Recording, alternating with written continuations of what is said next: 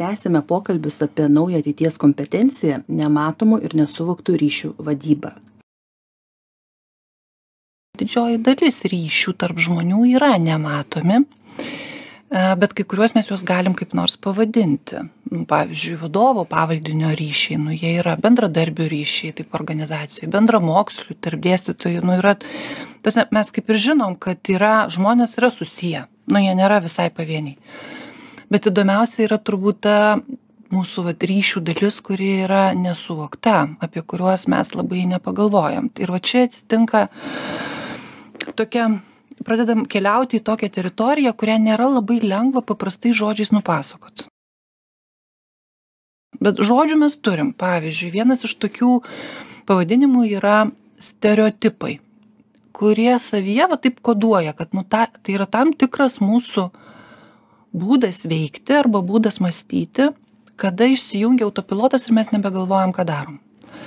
Tai tokių stereotipų jau žinom, kad jie yra. Pavyzdžiui, um, ką reiškia būti moterim ką reiškia būti vyru kokia yra vadovė moteris koks vadovas yra vyras kokią profesiją gali daryti vienokios arba kitokios lyties žmonės tada yra kitokie stereotipai yra tai ką turėtų žinoti arba nežinoti vadovas įmonės vadovas arba įmonės savininkas.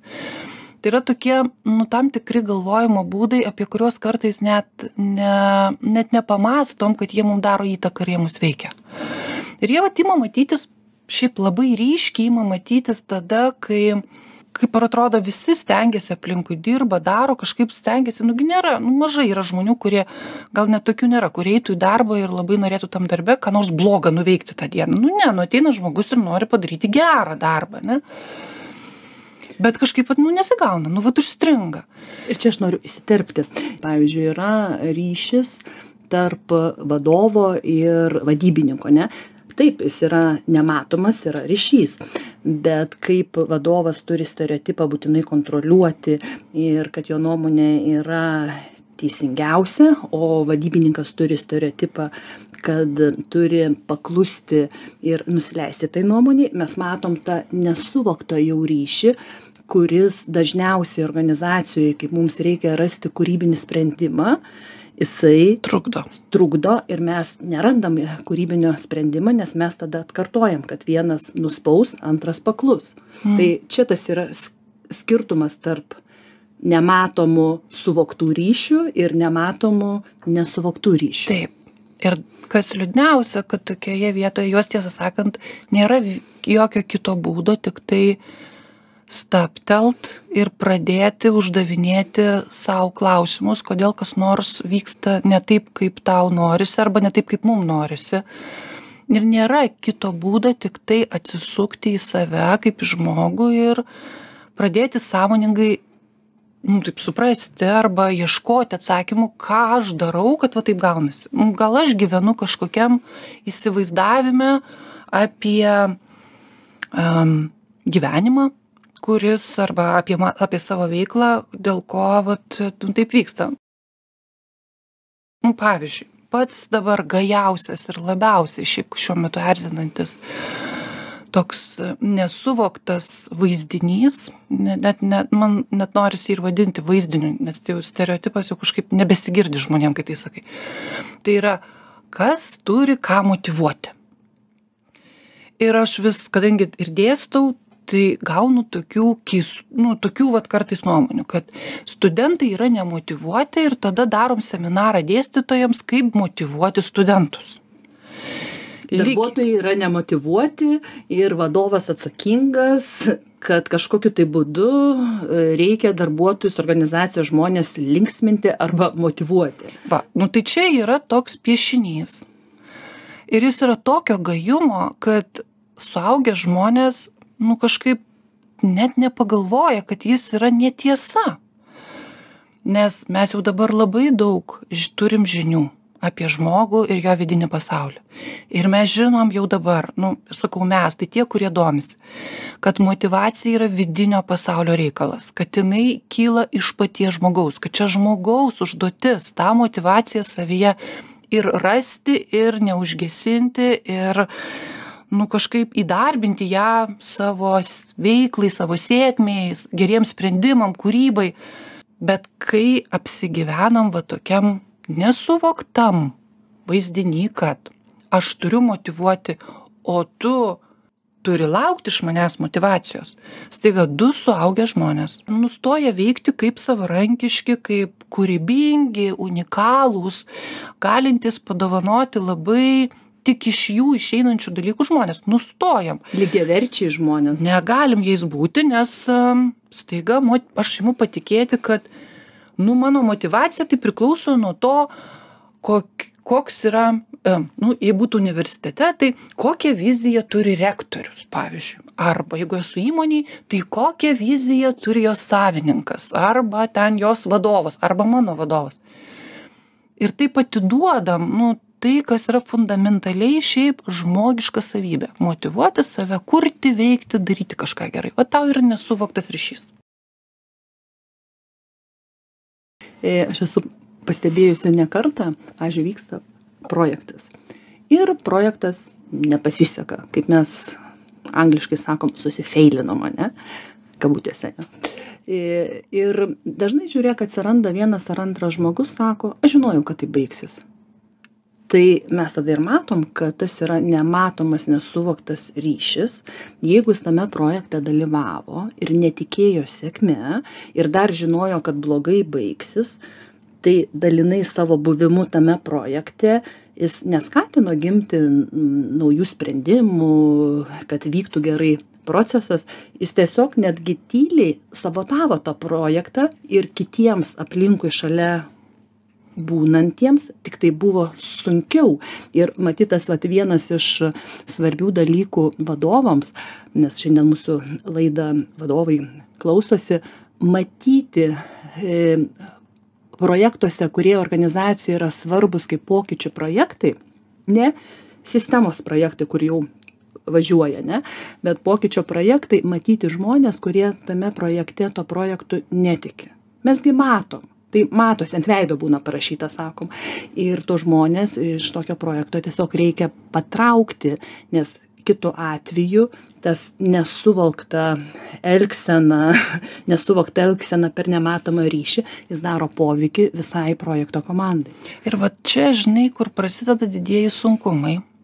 Nes kad galėtum šitai pasielgt, tu turi pradėti mokytis e, tą, kas yra nesuvokta, pradėti šito ieškoti.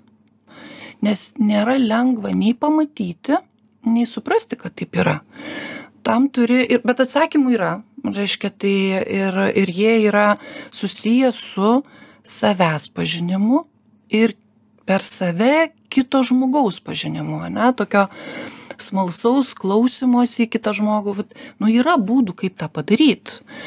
Bet kad galėtum tą padaryti, turi, nu negali niekur dingti nuo to savęs pažinimo darbo.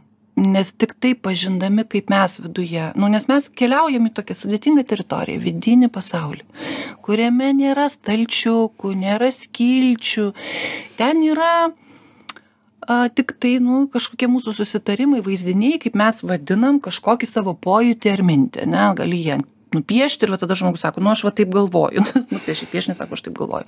Nu, bet kažkoks, va, nu čia yra kažkokia tokia būdas reikštis, ar ne? Bet um, man taip dabar kol kas atrodo, kad e, mažai kas nori šitą darbą daryti arba nežino, kaip jį daryti, žinai. Ir, ir, ta, ir, ir kodėl aš tą sakau, nes labai daug kalbam arba kalbėjimo yra apie tai, kad, nu, vat, jeigu tik kiti kažkokie būtų geresni, protingesni, su vizija, įkvėpti arba dar kokie nors, tai žodžiu, viskas čia mums sektųsi. Ir man būtų gerai. Ir man būtų gerai. Ir, o bet čia yra kalbėsena, kuri sako, kad e, ne manyje yra atsakymas, pas kitus yra atsakymas ir aš tai jau tikrai nieko negaliu.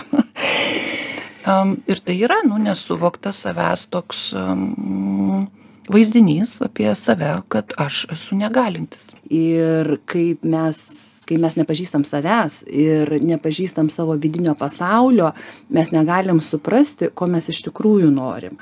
Ir kai mes negalim suprasti, ko iš tikrųjų norim, tai tada mes pakimbam ties išorine motyvacija ir save suprojektuojam į kitus ką kiti turėtų daryti kad man būtų gerai.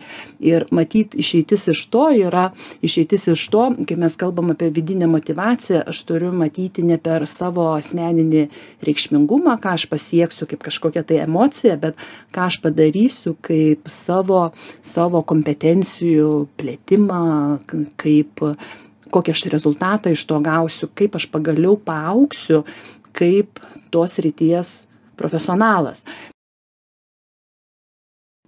Kai mes kalbam apie vidinę išorinę motyvaciją ir nenorą pažiūrėti savo vidų juk už tai dažniausia slypi paslėpti nesuvokti motyvai.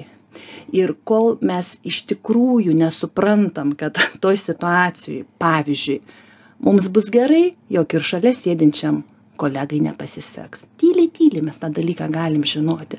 Arba bus mums labai gerai ne pats projekto rezultatas bet kad visi sužinos kad aš tai padariau. Taip. Ir mes tam labai daug atiduodam energijos. Kokius tu suvoki paslėptus motyvus kurie dažnai šitaip stipriai e, stimuliuoja žmogų elgtis vienokiu ar kitokiu būdu man atrodo e, vieta, kur galim pradėti to ieškoti, yra susijusi su šiaip mūsų kaip žmonių poreikiais, kurie yra normalūs, e, reikalingi, kad galėtume gyventi. Tai poreikiai ir turėti artimų ryšių, poreikiai jaustis, kad aš galiu, poreikis jaustis, kad aš esu autonomiškas, savarankiškas. Tai šitie poreikiai yra normalūs, geri ir jų dėka mes dalykus kūrėm ir darom. Bet kartais tie poreikiai tampa nu dėl įvairių priežasčių kas ir yra darbas ir savęs pažinimas jie tampa alkiais. Alkiais. Alkiais. Tai yra tas poreikis yra taip nepatenkintas arba neturiu kur kad e, aš darau šiaip viską aplinkui save kad gaučiau šitą. Ir vienas iš tokių ryškiausių poreikių kuris vat labai matosi vadovų gal lauke arba net ir savininkų, tokių žmonių su dideliais potencialais lauke, yra nepatenkintas poreikis jaustis galingu, jausti galę. Ir kokiu būdu tai atrodo organizacijose? Kaip mes jaučiam alki, jaustis galingu? Tai organizacijoje toks žmogus, e, jis net pasikviečia tokius žmonės, kurie iš vienos pusės e, gali ką nors stipriai padaryti, bet iš kitos pusės uh, jie niekada nepadarys nieko labai gerai nes e, kitaip savininkas arba vadovas jausis e, negalingu žodžiu galios tas alkis verčia žmogų visur aplinkui save matyti konkurentus.